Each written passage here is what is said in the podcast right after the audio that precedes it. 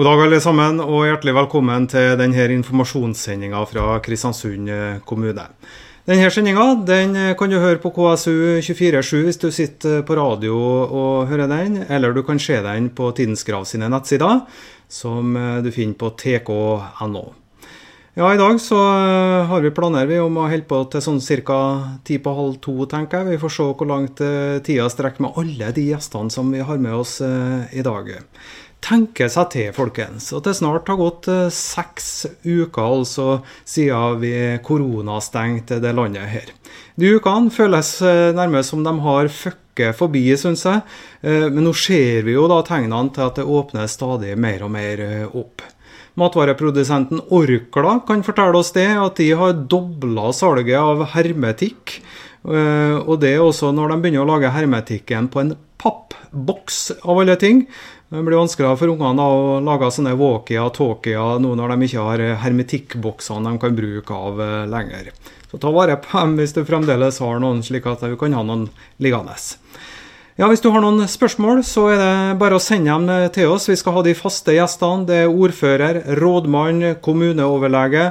I tillegg til at vi skal møte en kar som er avhengig av et publikum skal han få avlagt eh, bacheloreksamen sin. Vi skal høre litt mer hva det går ut på senere. Spørsmål, ja. De sender du inn på e-postadressa korona, krøllalfa, kristiansund.kommune.no. Og så minner vi også på at eh, de som jobber med barn, familie og helse, har en egen telefon for de som eh, har spørsmål som de har lyst til å stille direkte til dem. Da ringer dere 41 68 81 13. Så det er bare å ta den telefonen hvis eh, du føler behov for det. Dagens værvarsel det gjelder faktisk for tre dager fremover, og det syns jeg er ganske deilig å kunne dele med dere når det er de meldingene her. Det blir skiftende bris. På kysten eh, nordøst til dels frisk bris, og så blir det pent vær. Skal ikke være nedbør nå, ser jeg på langtidsvarselet så langt det strekker. Så det er bare tommel opp eh, for. De som eh, er på radio nå, de ser ikke at nå peker begge mine tomler rett til værs. Og det gjør de, fordi da trenger vi, nå trenger vi litt påfyll av litt eh, sol her på berget. Når det gjelder Neas sine meldinger i dag, så har de et strømutfall i morgen pga. det nødvendige vedlikehold. og Det er i Tingvoll, Torjulvågen, Støren til Rævfarmen mellom 9 og 10. Og Tustna, Solskjæløya mellom 9 og 15. I tillegg så er det også planlagt vedlikehold med oppdatering av fibersentralen på Kirkelandet. Kortbrudd der mellom klokka to og tre om natta i, i natt, altså. Så jeg tipper jo at det er et nøye valgt tidspunkt som ikke skal berøre så mange. Og så er det også planlagt vedlikehold kabelnett sentrum, dvs. Si Helsingsgata, Skolegata, Nedre Enggate, Haugata, Nedre og Fridtjof Finansens gate Nedre, og det er mellom seks og sju i morgen tidlig. Da kan jeg nok berøre litt flere folk. Skulle likevel eh, dukke opp eh, feil som du ønsker å varsle Neas om, så er telefonnummeret ditt 7158 1000. Og Flytrafikken den er ute. Ikke meldt om at det skal være noen eh, problemer ute på Kvernberget i dag. Arne Ingebrigtsen sitter i studio, rådmann i Kristiansund kommune. Deilig med finvær, Arne? Fantastisk. Ja. Hadde gleda oss til det. Ja, har gjort det, egentlig. Ja. ja. har vært grått og trist i det siste. også. Ja, Bare sett filmer fra Oslo, vet du, eller uh, nyheter fra Oslo med finvær, og så har det vært ja. søvær skuling utafor her. Og så har vi jo skvla litt hjemme òg. Vi har vært litt misunnelige på finværet. Men så har vi tenkt at eh, jøss, uh, hvor mye folk som samles i Oslo da, nå når det er finvær. Og sett uh, stappfulle parkeringsplasser. Østmarka er stappfull. De går omtrent i kø i marka nede her. Og, og så kommer pekefingrene og sier sånn skal dere ikke gjøre. Og de har kommet også fra oss her som hadde styggværet. Men så ser vi det. Når finværet kommer hit, hva skjer i Kristiansund og på Nordmøre da? Nei, det var stappfullt på Nederlandsflata når jeg kjørte forbi i går, ja. ja. Så det samme skjer jo her òg. Men her er det jo ganske klare regler til hvordan man skal oppføre seg i forhold til å samles. Ja, eh, vi har jo nasjonale retningslinjer på det. da. At man eh, innenfor samme husstand kan man jo ferdes sammen, men det er noe avstand og gruppestørrelse for eh, resten, da, også når man er utendørs. Fem stykker? Mm. Ja. Så eh, hvis man samles 20 stykker for å sparke fotball og ta en kamp, da er ikke det innafor? Det er ikke innafor. En kommune, da, hvordan ivaretar dere det her regelverket? Er det deres jobb å passe på at eh, folk følger reglene? Vi har jo mange ansatte ut i løpet av en dag. Eh, og de eh, må jo selvfølgelig si fra om det der, på lik linje med egentlig alle innbyggere. At man er utafor reglene. Men vi har jo ikke noe sanksjonsmuligheter som kommune. Vi kan ikke gå inn og bøtelegge en person, eh, men politiet kan jo gjøre det selvfølgelig hvis det er grove overtramp. Ja. Eh, så det er jo bare å følge oppfordringa fra myndighetene og fortsatt følge de rådene som er, til tross for at man gjør det med faktor på kroppen nå da, i solsteken. Nå er det to dager til barnehagene åpner, rådmann Arne Ingebrigtsen. og Dere har sikkert jobba med det her også gjennom eh, helga. Hva gjør dere nå i, i dag og i morgen før onsdagen er der da, og barna skal slippes inn? Ja, Vi begynte jo allerede på torsdagen da, eh, med gjennomgang av eh, barnehagene. Se på hvordan legene kan veilede og sette opp forskjellige soner, eller kohorter, da, som de liker å kalle det, eh, der barn kan oppholde seg, sånn at man slipper å sende mange i karantene samtidig hvis vi har et smittetilfelle. Det ble eh, tatt en god del barnehager på fredag. Det nye kommuneoverlegen skal vel hit etterpå. Han, akkurat nå er han vel ute i en barnehage, vil jeg tro. Mm. Sammen med en legestudent og en lege til, som eh, som går gjennom og på en måte veileder og sammen med personalet finner ut hvordan man skal løse den nye hverdagen. Både når det gjelder eh, vask med vann og såpe og bleieskift og hvor barn skal oppholde seg hen og når de skal oppholde seg inn og ut osv. Nå, nå uh, har jo dere anledning til å kikke litt på hvordan andre kommuner hvordan erfaringer de gjør. da, for En del av dem jo, har, har, jo sendt sine første barn i barnehagen i dag. Ja. Kommer dere til å kikke litt på de kommunene, eller? Det er jo veldig individuelle for forskjeller i barnehagene. De er utforma veldig forskjellig. Eh, men det vi ser, er jo at eh, altså fra dem som åpner i dag, da, så vil de kunne dele informasjonen med oss fra i morgen, og så åpner vi dagen etterpå. sånn at det, det er jo ikke all verdens uh, erfaringsutveksling som er mulig å få til. Men det vi ser, er at ved inngangen til åpninga så har vi jo tenkt ganske likt med flere andre. og Da, da har vi jo skoler til andre kommuner, hva gjør dem? ikke sant? Og det det gjelder jo spesielt det med korte ned åpningstida bitte litt, sånn slipper å ha to skift på barna. Altså ikke bleieskift, men uh, altså to skift med folk. Uh, sånn at man kan ha samme voksenperson der uh, gjennom hele dagen. da, og det ser jeg mange som har gjort, og da vil man begrense den kontaktsmitten man eventuelt utsetter hverandre for. Da. Så, men ellers så er veldig mye individuell gjennomgang av barnehagene. Hvordan er de utforma, hvor mange barn forventer vi skal være der, og hvordan skal man setter opp sånn at man omgås hverandre minst mulig, men allikevel eh, har en trygg eh, omsorgssituasjon i barnehagen. Så mye her ligger på renhold, og det er også begrense omgangskretsen når man er i barnehagen. Ja.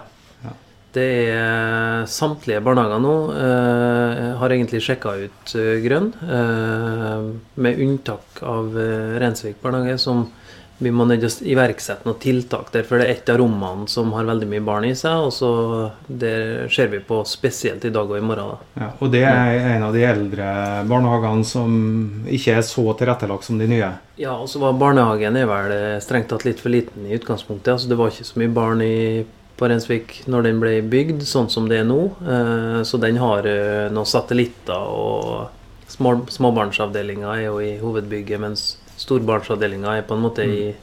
tilstøtende bygg og har litt utfordringer der, da. Men uh, alt det der skal være håndtert til vi åpner på onsdag.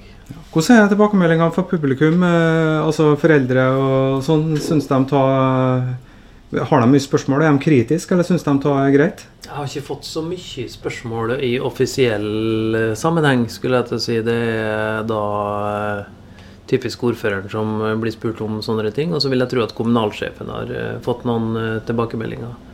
Så da må jeg bare bli en subjektiv oppfatning av omgangskretsen, og der er man Ja. Noen er nervøse, og noen tror dette går helt strålende. Ja.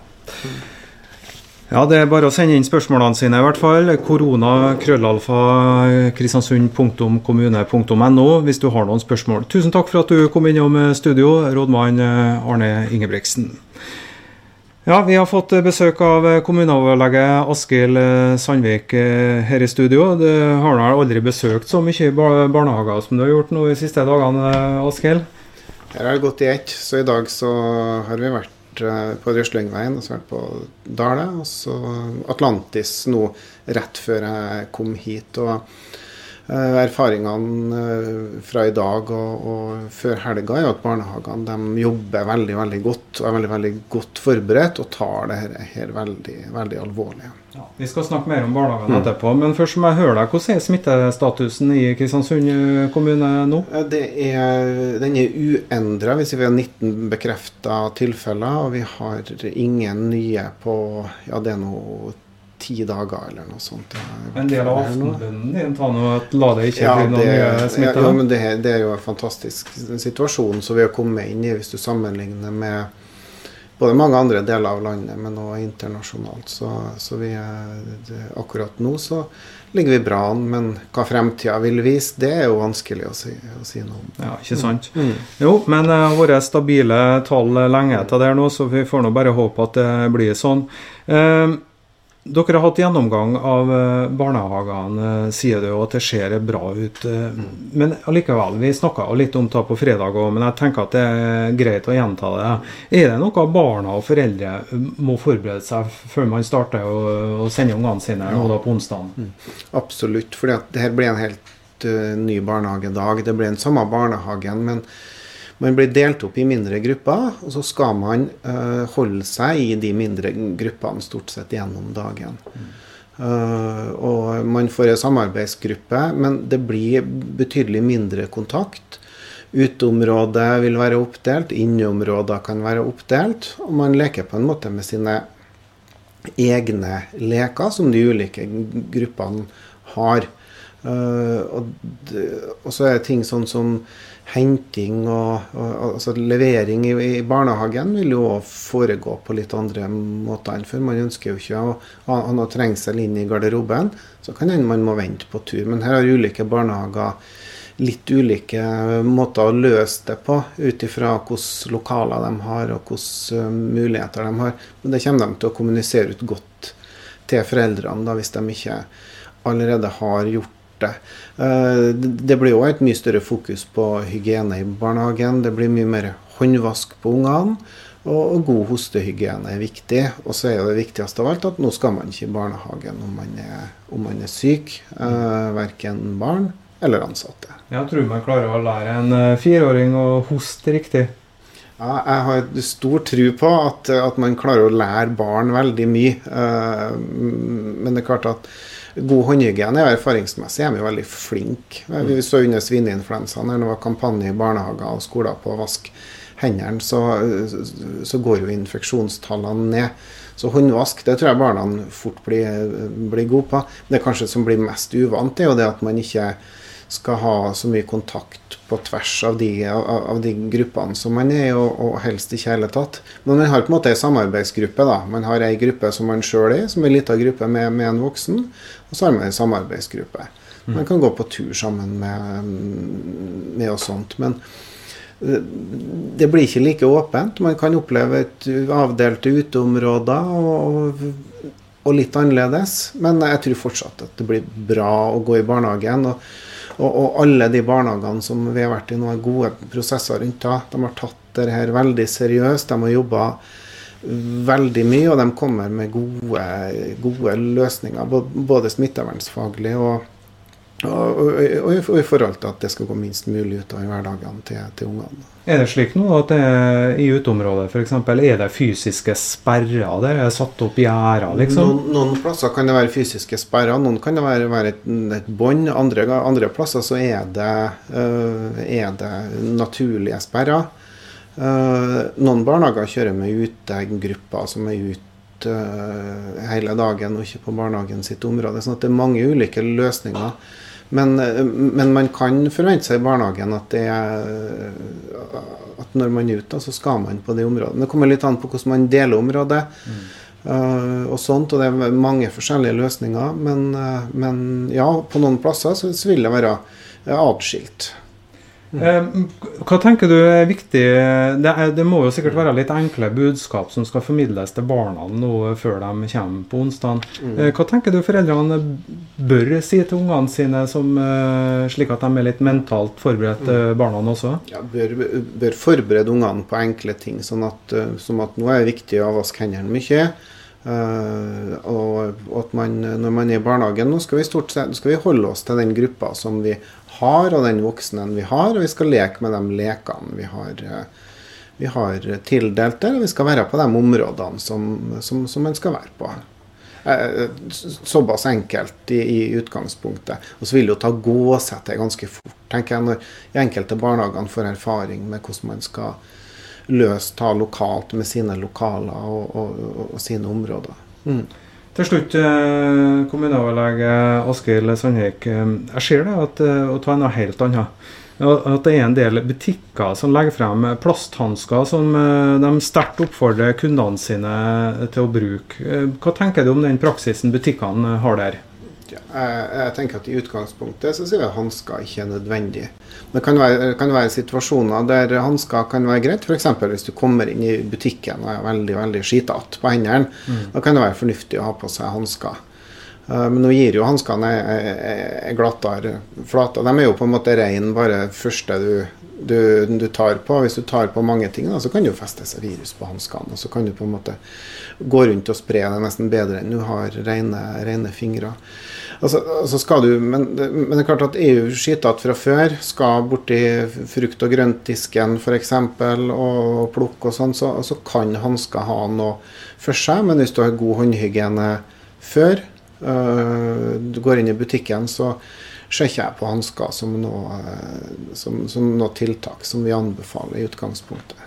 Ja. Så heller enn å ha på hansker, gå heller bort til panteautomaten. Der står det som regel en håndvask. Vask fingrene, og så uh, gå videre inn i handelen. Ja, det, det vil være fullgodt. Uh, det vil være fullgodt. Og når du er ferdig å handle, gå tilbake til samme vasken og vask fingrene igjen. Ja.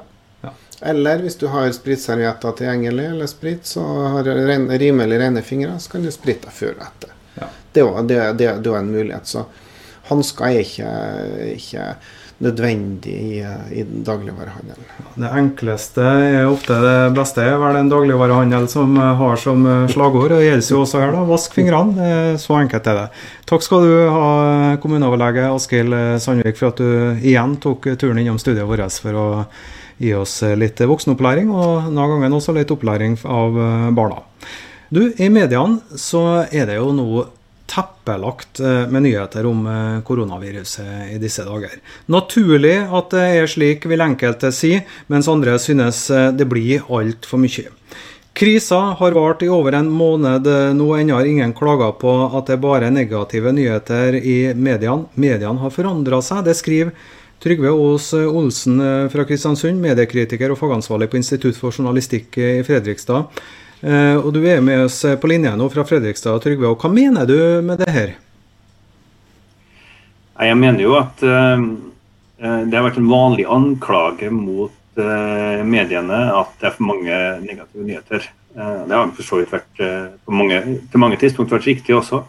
Men jeg har ikke hørt mye av de klagene under koronakrisen. Det tror jeg skyldes rett og slett at pressen også har nyheter.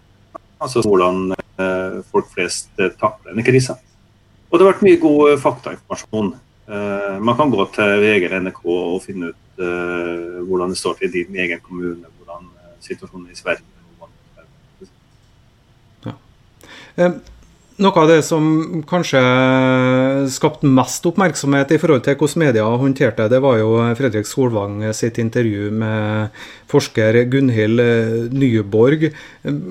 Hva tenker du rundt den debatten der? Da var det jo mange som skreik at dette her, det var ikke bra nok, Solvang? Nei, det, akkurat det var ikke bra nok. Eh, det er jeg helt enig i. Ehm, da tenker jeg at en, eh, en vel alarmistisk eh, lege fikk for lang og uavbrutt taletid.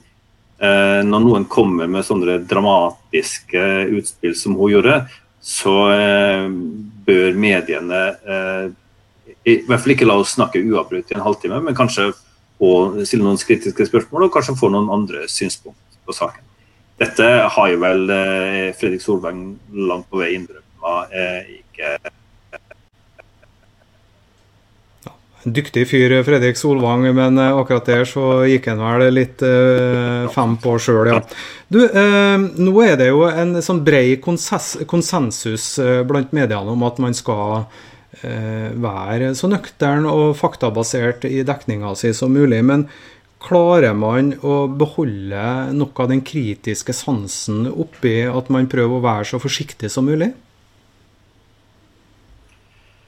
Ja, jeg syns vel det. Altså, det er vanskelig å si. Eh, for vi vet jo ikke ennå hvorvidt eh, helsemyndighetenes råd eh, er det riktige. Altså, det får vi jo ikke vite før, før vi ser resultatet av denne krisa. Så langt så virker det jo som om Norge har klart seg veldig bra. Men jeg ser jo hele tida kritiske innspill fra fagfolk og andre og intervjuer med vanlige folk som syns at eh, nei, nå ble det for mye uh, hyttestenging, eller hva det måtte være. Så, så jeg syns egentlig at mediene har, uh, har takla denne krisa oppsiktsvekkende bra. Det vil jeg si. altså. Og jeg er ikke den som vanligvis skryter av, av norsk journalistikk. Tvert imot så er jeg vel blant de som oftest er kritiske. Klarer norsk presse å beholde sin edruelighet, da, tror du?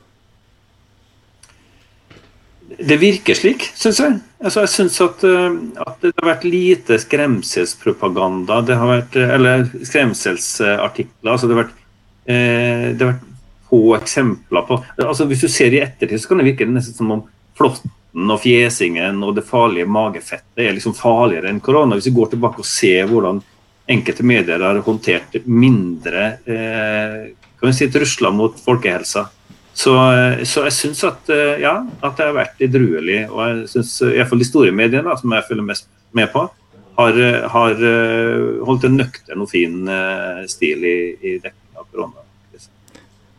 Mange mener jo det at uh, f.eks. appen Smittestopp, som ble lansert i, i, forrige uke, er for inngripende på personvernet. Kan vi stole på at pressen her nå undersøker f.eks.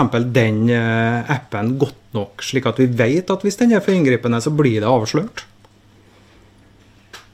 Det, det morsomme ting eh, knytta til kritikk av pressa. Men sier nå, du sier nå uh, at uh, mange har hevda at den er for inngripende. Så tenker jeg, ja, hvor, hvor, har du hørt det, da? Har du ikke lest og sett det i mediene? Er det ikke det mediene som formidler denne kritikken? Altså, eh, Mye av det folk er sinte på mediene for, er ting som du sier, og mediene dekker det ikke. Det er ting som de, som de har lest om i mediene.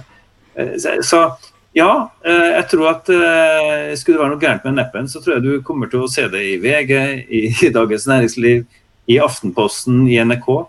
Og som du sikkert også vet sjøl, så har jo eh, eh, pressas tillitsmenn, altså Redaktørforeningen og Journalistlaget osv., advart journalister mot å bruke den appen pga. at den er for inngripende i personvernet. og kan eh, i teorien så kan da, eller altså Ikke bare i teorien, men, men hvis en journalist møter en hemmelig kilde, så kommer det fram på denne appen.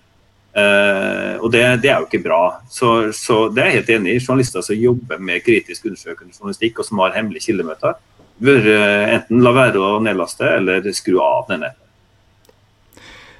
Til slutt, eh, mediekritiker Trygve Aas Olsen. Nå er jo du en del av eh, et intervjuobjekt i en kommunal informasjonssending. Hva tenker du om denne måten å ta hånd om informasjonsflyten på fra en kommune?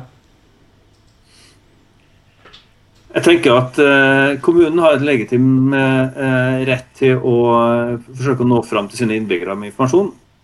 samtidig så tror jeg alle som ser på kommune-TV i Kristiansund skal vite at de ser ikke på kritisk journalistikk.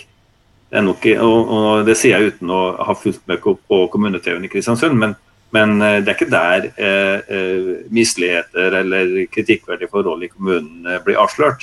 Sånn at Kommunen kan gjerne gjøre dette, men kommunen, jeg syns ikke kommunen skal velge å eh, bruke denne kanalen til eh, informasjon, og så velge bort Hinns Krav eller NRK eller andre kritiske medier. Um, det, det, Å prøve å ta hånd om informasjonen på den måten, holde den unna kritisk, eh, eh kritisk journalistikk, det syns jeg er eh, en farlig vei eh, å gå på. Ja, Det sa eh, Trygve Aas Olsen, og det er jeg sikker på eh, at det blir håndtert godt eh, innom Kristiansund kommune også. At andre medier blir serva slik som de skal bli.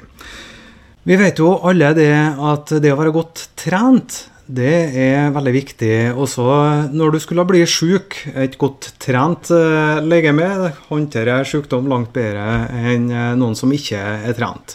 Men at du kunne trene deg til å være bedre rusta til en lungeinfeksjon, en potensiell lungeinfeksjon, det var ikke jeg klar over. Ja, eh, Torunn Otnes, du er fysioterapeut på sykehuset i Ålesund. Og det å trene opp eh, lungene og respiratoriske systemet til å håndtere en, eh, en infeksjon, eh, hva er det man kan øve på der? Nei, altså Da er det jo innenfor lungefysioterapien, eh, som er et av mine felt, da, eh, vil det jo være en rekke behandlingsmetoder som da eh, har en del respirasjonsøvelser. Eh, og Der går det jo stort sett ut på å få fjerna slim fra lungene eh, ved sekretstagnasjon eh, og optimalisere ventilasjon. Så her er det jo Det blir jo ikke trening uh, i den forstand, um, men mer behandling. Um, og da går det ut på en del pusteteknikker, en del hosteteknikk, anfallsmestring. Uh, men det er jo som du sier at det er jo en fordel å i tillegg ha en, et godt trent legeme. da. Mm. Men um, hvem er det som har hatt nytte av disse øvelsene før covid-19 kanskje kom og aktualiserte det hele? da? Det har stort sett vært eh, lungesjuke, f.eks. pasientgrupper i kols, astma, eh, andre typer lungediagnoser som cystisk fibrose, men også noen nevro, nevrodegenerative lidelser, f.eks. Det er stort sett dem som har hatt eh, enten problemer med å få, få utslim fra lungene, eh, eller å ha, fått, ha en veldig høy produksjon av slim, som gjør det vanskelig å bli kvitt. Så det er egentlig det er et veldig bredt, veldig bredt felt. I tillegg til at det er blitt brukt eh, på pasienter som ligger inn på intensiv f.eks., eller, eller er innlagt for andre ting på sykehuset. Når det gjelder covid-19-pasienter, da, vi vet jo det at det er jo eh, langt ifra de fleste som blir alvorlig syke. Det er vel kanskje denne type øvelser vil vel kanskje bare hjelpe de som har de mildeste symptomene, eller er det slik? Ja, så eh, de her type øvelsene vil være for milde, moderate symptomer. Eh, altså i hvert fall de øvelsene som går på skimobilisering. Eh, og så har vi igjen andre tiltak som kan gå på mer alvorlige eh, innlagte pasienter. Eh, men det vil være veldig pasientavhengig, og det vil jo bli nøye vurdert hva slags tiltak som blir satt i gang, ut ifra hva slags kapasitet pasienten sjøl har, f.eks. Mm. Men vi, ja, det vil jo være ganske forskjellig, men det er milde, moderate symptomer, som du sier. Nå er jo sånn at eh, Det er jo ingen av oss som håper at vi får covid-19 og koronaviruset, naturlig nok. Men allerede nå, da, mens man sitter frisk og rask og sånne ting, så kan man altså gjøre øvelser for å forberede lungene på at man kanskje får det en dag. Og Vi må nesten prøve, da, Torunn Otnes. Eh, hvordan er du går frem når du skal på en måte lære dine pasienter hvordan man best forbereder systemet på en slik infeksjon? Ja, altså Det er jo eh, vanskelig å si om du kan forberede systemet noe, men eh, i hvert fall når man da har fått en infeksjon. Og det kan man jo få uavhengig av covid-19, selvfølgelig. Um, så er det jo flere ting man kan gjøre. Det som har vært litt spesielt med covid-19 nå, uh, som man har sett eller fått rapporter om, det er det her med tørrhoste. Som kanskje ikke er så vanlig ellers. Og da har du eh, andre teknikker man ville ha brukt enn f.eks. ved veldig våt hoste, da produktiv hoste. Mm. Um, sånn at vi kan jo eh, gå gjennom eh, det først. Ja, vi kan ta en øvelse og så se hvordan ja. det blir gjort.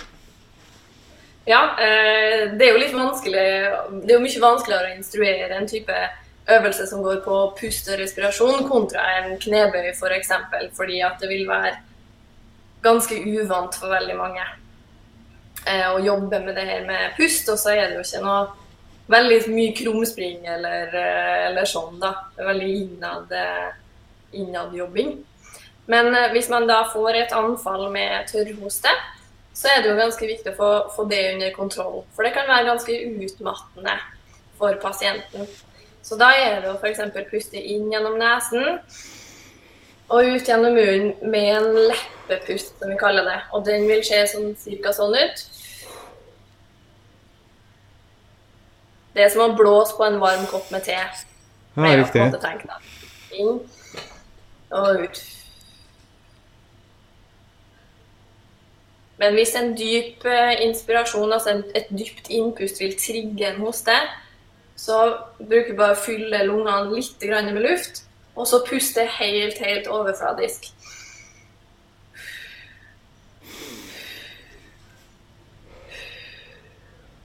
Der, da. Og det er for å ikke trigge en hosterefleks.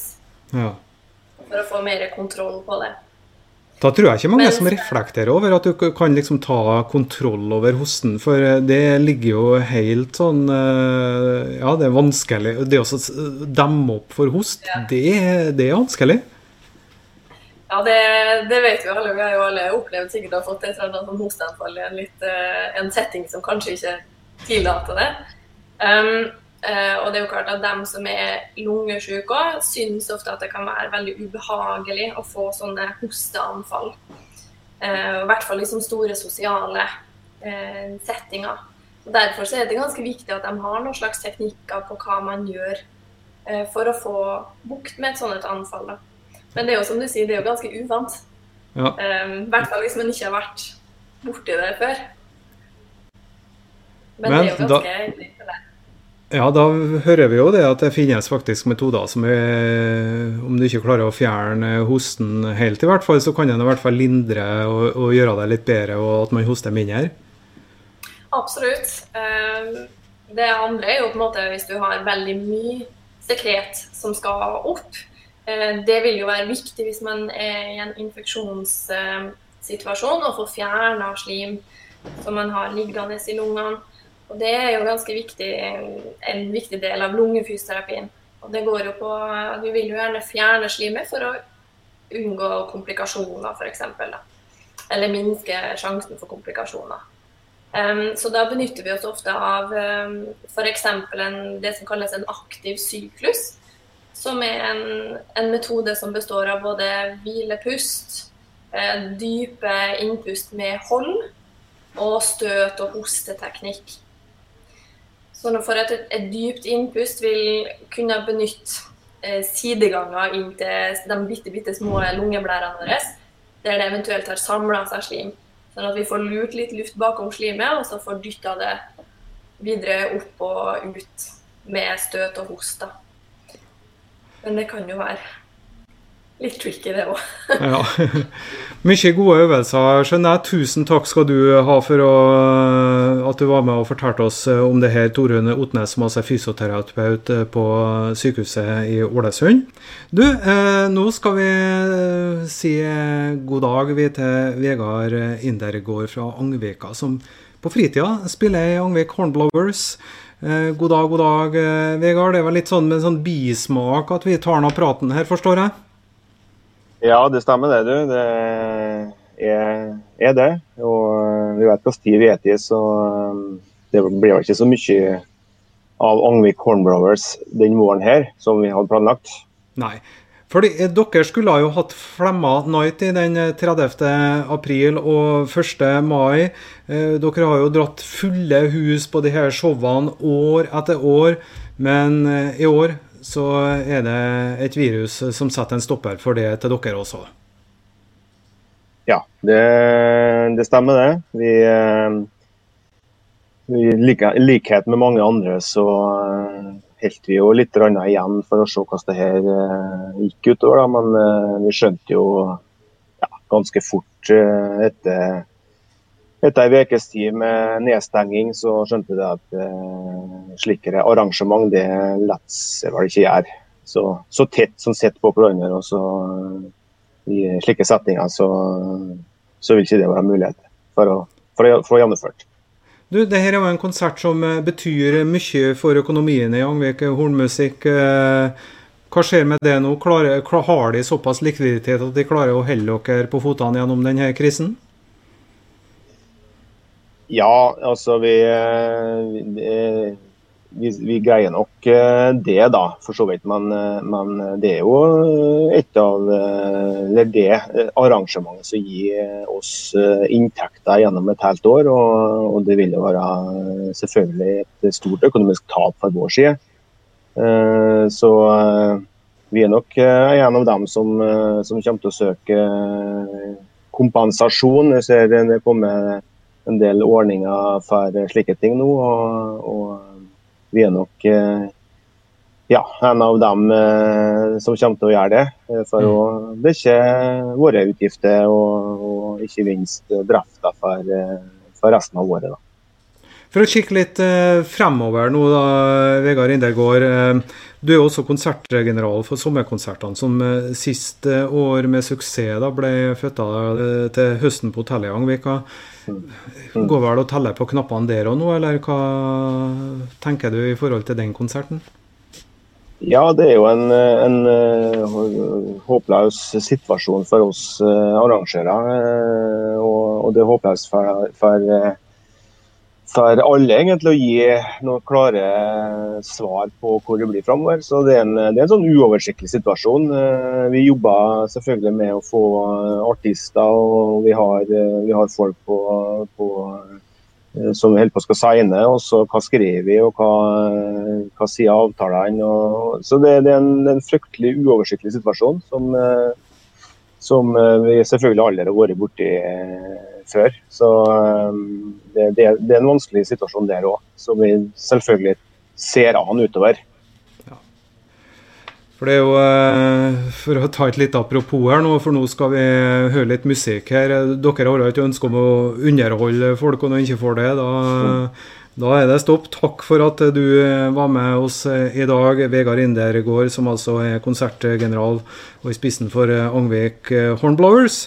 Nå skal vi møte en kar som isolasjonskravet kanskje har fått eh, en god del større konsekvenser for enn for oss andre folk.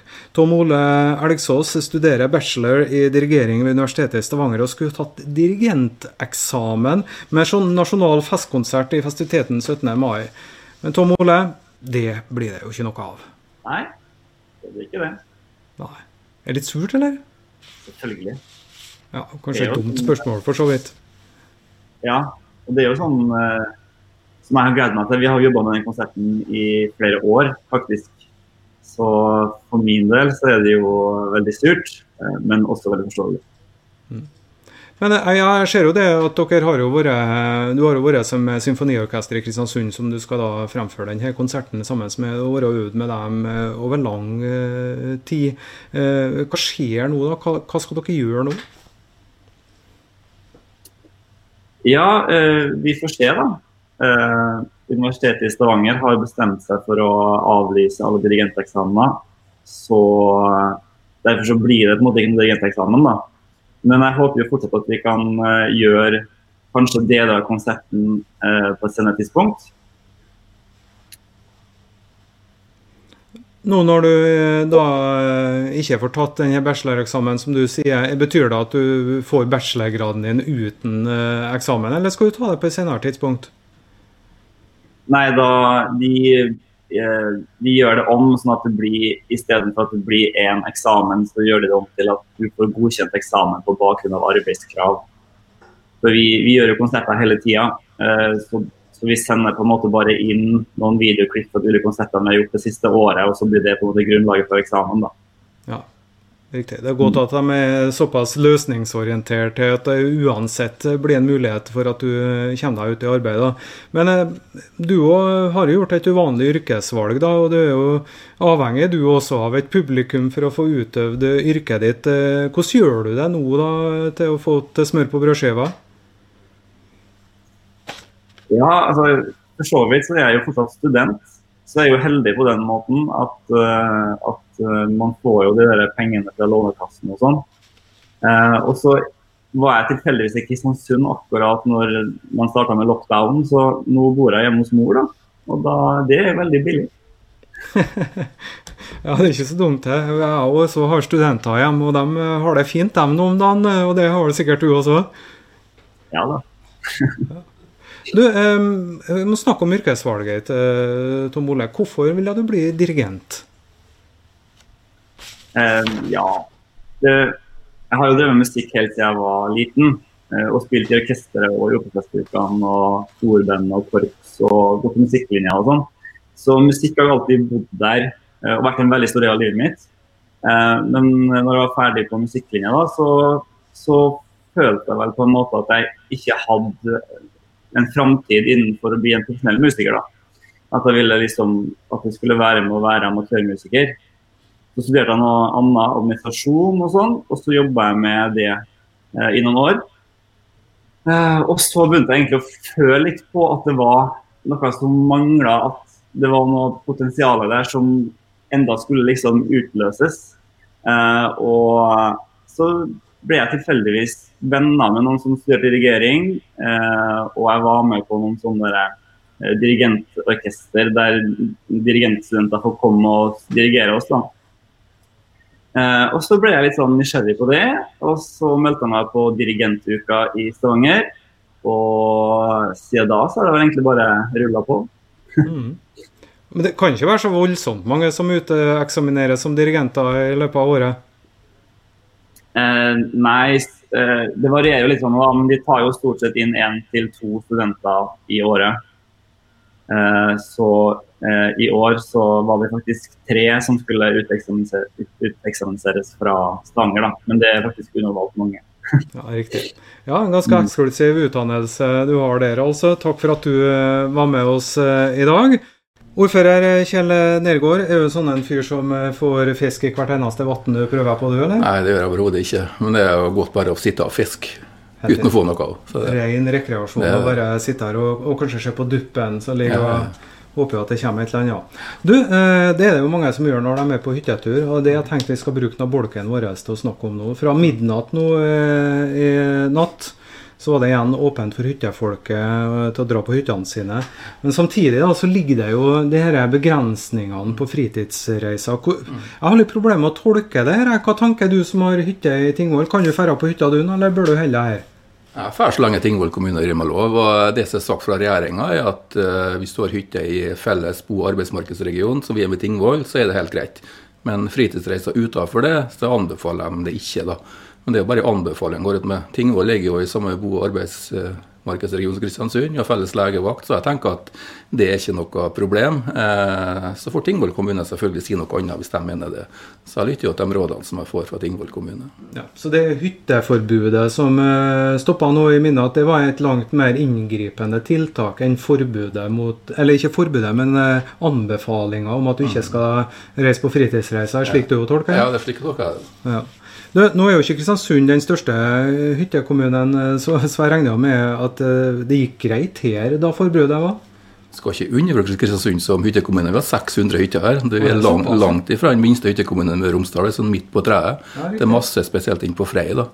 Men uh, det har ikke vært noen noe store problemer sånn som vi har fått. Jeg har ikke fått noen tilbakemeldinger på det i hvert fall. Så det, jeg tror kanskje stort sett kristiansundere som har hytter inn på Frei. Da. Så de har egentlig lov å dra på hytta. Ja, og likeens på Grip også Jeg var en del som var happy når de kunne dra i påska. Ja. Du, uh, fikk du som leder i samarbeidsorganet mellom nordmørskommunene og Orkidé signaler om at det var problematisk for andre nordmørskommuner å ta imot hyttefolk? Nei, dem har snakka med, sier at det har ikke vært noe problem. Jeg har jo spent dem om folk kom til å benytte seg av hyttene sine uansett i påska. da. Aure er jo en kjempesvær hyttekommune, en av de største med Romsdal, men jeg tror det ikke har vært noen store problemer i slike kommuner. Eh, nå da, nå når det åpner alle slusene, eh, hva er spådommen din? Tror du det her kommer til å gå greit? Jeg tror det kommer til å gå greit. Jeg tror at mange kommer til å reise på hyttene sine i helga, rett og slett for å se etter dem. Og vi kommer til å dra på Tingvoll på, på hytta vår i Kvistvika i helga, helt garantert. Jeg tror faktisk vi er litt savna òg. Jeg var innom en snartur i påska og kikka til hytta. Var nedom butikken og snakka med dem, og de savner i hvert fall hytteturistene på Matkroken i Kvistvika. Jeg har en sånn mistanke om at uh, det har vært lett å se fornuften i alle de tingene som myndighetene har sagt. Mm. Uh, men kan dette hytteforbudet kanskje være noe av det historien uh, kommer til å være minst nådig imot? Ja, kanskje, men jeg skjønner de største hyttekommunene der de har 5000-6000 hytter i en kommune på 3000 innbyggere, at de ikke har helseapparat til å ta seg av hvis det skulle skje noe. Det er noe annet med de små kommunene der vi eh, har få hytter, og der eh, det er kort vei til sykehus og kort vei til by. Men eh, ta for ettertiden vis. Det var et forbund en periode, og det fungerte jo. så få noen historien vise om det var riktig eller ikke. Ja, og Så tok de og sa alle hyttene, enten det er en bitte liten hyttekommune eller det er en kjempestor en som du nevner. Hvorfor tror du de gjorde det sånn og dro alle over samme kam? Jeg tror det var for vanskelig å ha et regelverk der kommunene sjøl skal få vurdere ting. og da, eh, Det ville blitt Texas, tror jeg. Så det var kanskje greit at det var et likt regelverk for alle. Ja. Fineste tingen du gjør når du er på hytta, Kjell Gård? Jeg må gjøre noe helt annet enn jeg gjør til daglig. Så det er å grave i hagen det, for meg som er å komme på hytta. Ja, har du grønne fingre? Ja, har du. Ja, har du. Så får ting til å vokse også? Ja, har, eh, i helga var jeg ikke på tur. Jeg var på hytten, jeg var ikke på hytta, jeg var hjemme i hagen både lørdag og søndag. Jeg gikk over 30 000 skritt bare i hagen på lørdag og søndag. Ja. Så jeg har gått mye og fjerna mose og kappa ned hekk og trær og grove jorda. Så det har vært deilig. Koselig. Er du sånn som dyrker chili i vinduskarmen? Jeg gjorde det før jeg var ordfører, men det har blitt til slutt på. Så jeg drømmer om et drivhus, men det får bli når jeg blir pensjonist om noen år. Ja. Men det funker. Jeg bygde meg drivhus nå nylig, og, men jeg er ikke noe flink. Jeg har ikke grønne fingre. Så bare utstyret, men ikke fingrene. Så kanskje jeg skal invitere deg en gang til å være med og dyrke litt. Det kan jeg gjøre. Ja. Tusen takk for at du kom innom studio. Og vi er kommet til veis ende i denne eh, sendinga, og vi gjør sånn som vi bruker å gjøre. Vi skal høre Frode Alnes, eh, som har fått med seg sine kumpaner til å spille Vitalux.